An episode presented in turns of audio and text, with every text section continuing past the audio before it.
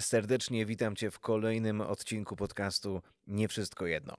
To ostatni odcinek tego roku, roku 2023 e, i to jeszcze w czasie Adwentu. Ostatnim razem mówiłem też o właśnie takim adwentowym kontekście tematu jedności e, i dzisiaj chciałbym go pokontynuować. E, zamykamy, zamykamy właśnie ten czas i chciałbym dzisiaj powiedzieć również o przyjściu Pana, o przyjściu Pana Jezusa, e, o tym oczekiwaniu na Jego powtórne przyjście, więc pozwól, że dzisiaj właśnie kontynuujemy e, i dopinamy ten rok w tym projekcie. E, nie wszystko jedno. Także zapraszam Cię na czołówkę i ruszamy z tematem. Witam Cię w podcaście poświęconym jedności i charyzmatycznej odnowie Kościoła. To przestrzeń, która łączy ludzi, szczególnie tych, którym nie wszystko jedno, a którzy są gotowi w swoich domach, miejscach pracy i wspólnotach wiary budować mosty, łamać uprzedzenia i odważnie służyć odnowie Kościoła. Jedność to nie opcja, to szansa. Nie tylko w kościele, ale też w naszych relacjach i społeczeństwie.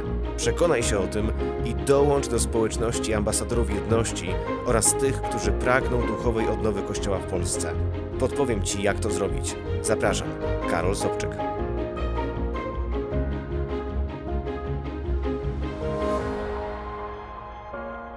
Czy zastanawiałeś się kiedyś, jak będzie wyglądać powtórne przyjście Pana Jezusa na ziemię? Ten moment, w którym oblubieniec przyjdzie po swój kościół. To będzie jedno z najważniejszych, najwspanialszych wydarzeń wszechczasów. Jako chrześcijanie nazywamy go błogosławioną nadzieją, która na nowo zaczyna ożywiać, i pewnie to widzisz wśród ludzi wiary wszystkich wyznań, wszystkich denominacji chrześcijańskich. I pytanie brzmi: po co Jezus wróci? Czy po kościół, który będzie podzielony jak puzzle, który będzie musiał sam sobie poukładać dopiero w niebie? Czy po słabą, po taką anemiczną oblubienicę, która jeszcze przed ślubem będzie potrzebowała leczenia szpitalnego? Myślę, że nie, bo jest napisane, że Duch Święty przygotowuje oblubienicę. Przygotowuje oblubienicę na ten właśnie dzień. Więc Pan Jezus przyjdzie po przygotowaną oblubienicę, po całkowicie gotową, po dojrzałą, po wspaniałą. Przez lata dorastałem w takim przeświadczeniu, że w czasach ostatecznych będzie się działo coraz gorzej i gorzej, a potem powróci Jezus. Powrót Jezusa miał się sprowadzać do wymierzenia kary za zło, które panoszy się w świecie, i do przyniesienia ratunku tym, którzy jeszcze nie zdążyli ulec zagładzie. Słyszałem też u innych wierzących, jak mówili, że będzie to czas pochwycenia wpierw wszystkich wierzących do nieba. Jeszcze inni mówili o tysiącletnim panowaniu Jezusa na ziemi przed ostatecznym końcem czasów. I oczywiście istnieją wersety, z których można byłoby wyprowadzać tego rodzaju wnioski do, każdej z tych, e, do każdego z tych obrazów, o których przed momentem wspomniałem. Można byłoby na podstawie tych wersetów przewidywać właśnie taki rodzaj wypadków, jeśli tylko masz nastawienie, aby właśnie tego szukać. Pamiętam, kiedy kupiłem swój pierwszy rodzinny nowy samochód. To już było kilka ładnych lat temu i była to taka biała Kia Carens. Miała sześć biegów, miała klimatyzację y, i pozwalała na przewożenie aż siedmiu osób. Pamiętam, jak ogromnie się nią cieszyłem i ten moment, w którym wyjeżdżałem z salonu tym nowiutkim autem, był dla mnie i jest dla mnie nie do opisania. Ten moment, kiedy na wyświetlaczu, na wskaźniku masz dopiero przejechanych 7 kilometrów, bo tyle, co wyjechałeś z salonu, e, to jest coś pięknego. Mogliśmy zapiąć dwa foteliki dla naszych dzieci naraz. E, w bagażniku mieściła się wanienka do kąpania. To było naprawdę coś. I zaledwie kilka tygodni później zauważyłem, że na drodze jeździ więcej takich samych modeli samochodów.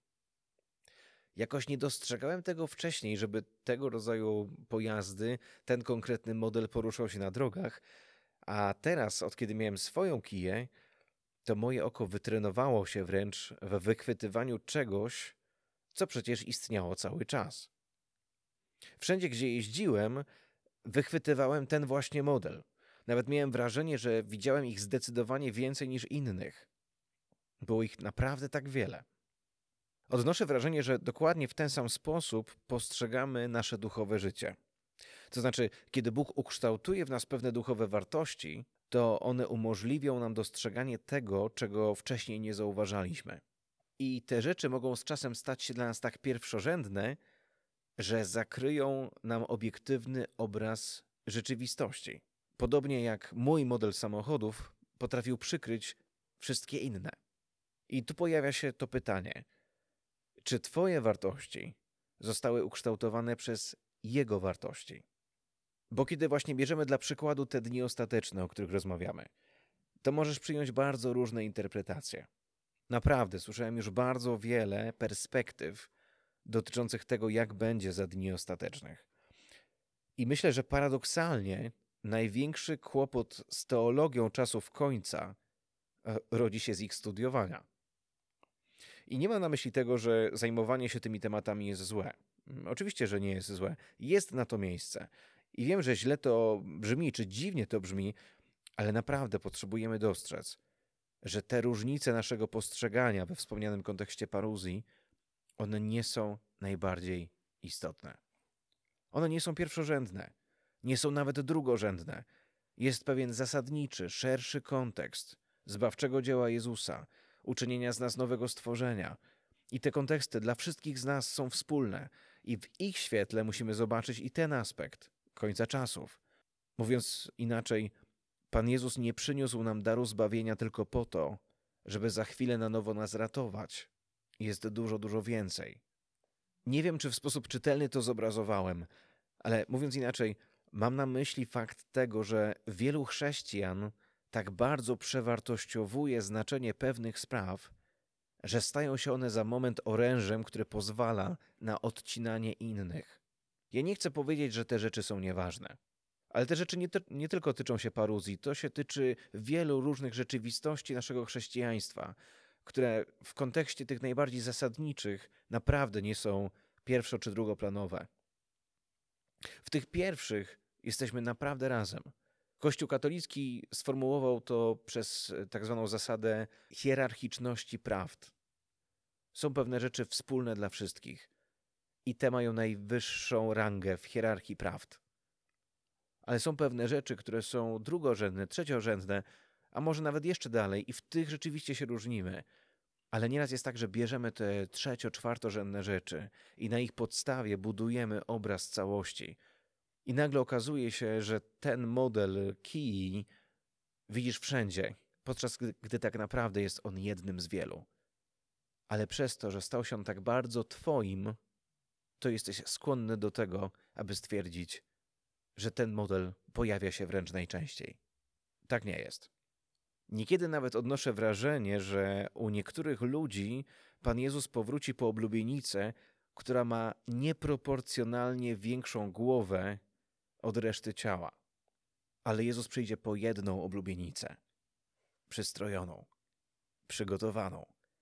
Król chwały wróci po swój chwalebny kościół, Kościół, który będzie miał właściwe proporcje ciała do głowy i będzie niósł świadomość znaczenia tego, że wszyscy razem jesteśmy jednym ciałem, wezwanym przez Boga dla budowania Jego rodziny. I tu w tym miejscu pozwól, że właśnie oczekując na Jego przyjście, chcę Ci życzyć, aby ten czas był rzeczywiście czasem, ten czas świąt, ożywania w Tobie tej błogosławionej nadziei, tego, że On wróci, tego, że On przychodzi, że przyjdzie po swoją jedną oblubienicę. Życzę Ci, żeby to był czas rodzinny, czas bardzo ciepły, czas pełen e, takiego pokoju, który sprawia, że nawet pewne różnice, które są między nami, stają się różnicami pojednanymi. Pojednanymi z uwagi na tego, który nas łączy, tego, który nas gromadzi i tego, który dał nam nowe życie. Serdecznie dziękuję Ci za ten rok słuchania podcastów, za ten wspólny czas, za to, że mogliśmy przejść pewną drogę razem.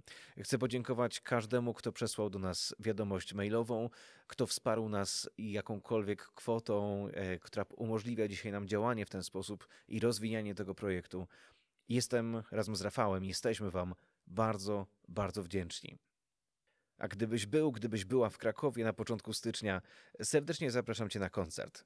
12 stycznia wieczorem przy ulicy Balickiej 214 będzie miał miejsce koncert Pieśni Narodów, który poprowadzi Mateo, a który będzie wykonywał wraz z zespołem, wraz z grupą przyjaciół kolendy, które były tworzone w różnych miejscach świata, a które niosły to przesłanie o tym, że Zbawiciel przychodzi na ziemię. Jeśli chciałbyś dołączyć do tego koncertu, serdecznie Cię zapraszam. E, też możesz do nas napisać albo znaleźć wydarzenie na Facebooku, e, które też umieszczam na Facebooku. Nie wszystko jedno. A my usłyszymy się kolejnym razem w nowym roku, roku 2024. I będę chciał e, rozpocząć podcastem takim wprowadzającym, a tuż po nim zaproszę Cię do tego, abyś posłuchał mojej rozmowy z Olkiem Bańką osobą, która była delegatem e, konferencji Episkopatu Polski na synod e, w Rzymie. Ten synod miał bardzo wiele ważnych wątków, bardzo wiele oblicz e, i chciałbym poruszyć to zagadnienie z Olkiem, właśnie to zagadnienie jedności i tego, jak dzisiaj Kościół rzymski patrzy na jedność z perspektywy tego, co aktualnie dzieje się w Kościele. Więc chciałbym dotknąć samego serca tego, czym Kościół katolicki dzisiaj żyje i przedstawić Ci to podczas rozmowy, także nie mogę się już tego doczekać. Z Olkiem będziemy rozmawiać w najbliższych dniach. Tą rozmowę zarejestruję dla Ciebie i wierzę, że będę miał szeroko czym się podzielić już w przyszłym roku. Tymczasem serdecznie Cię pozdrawiam i jeszcze raz wszystkiego dobrego i błogosławionego nowego roku 2024. Zostań z Bogiem. Shalom.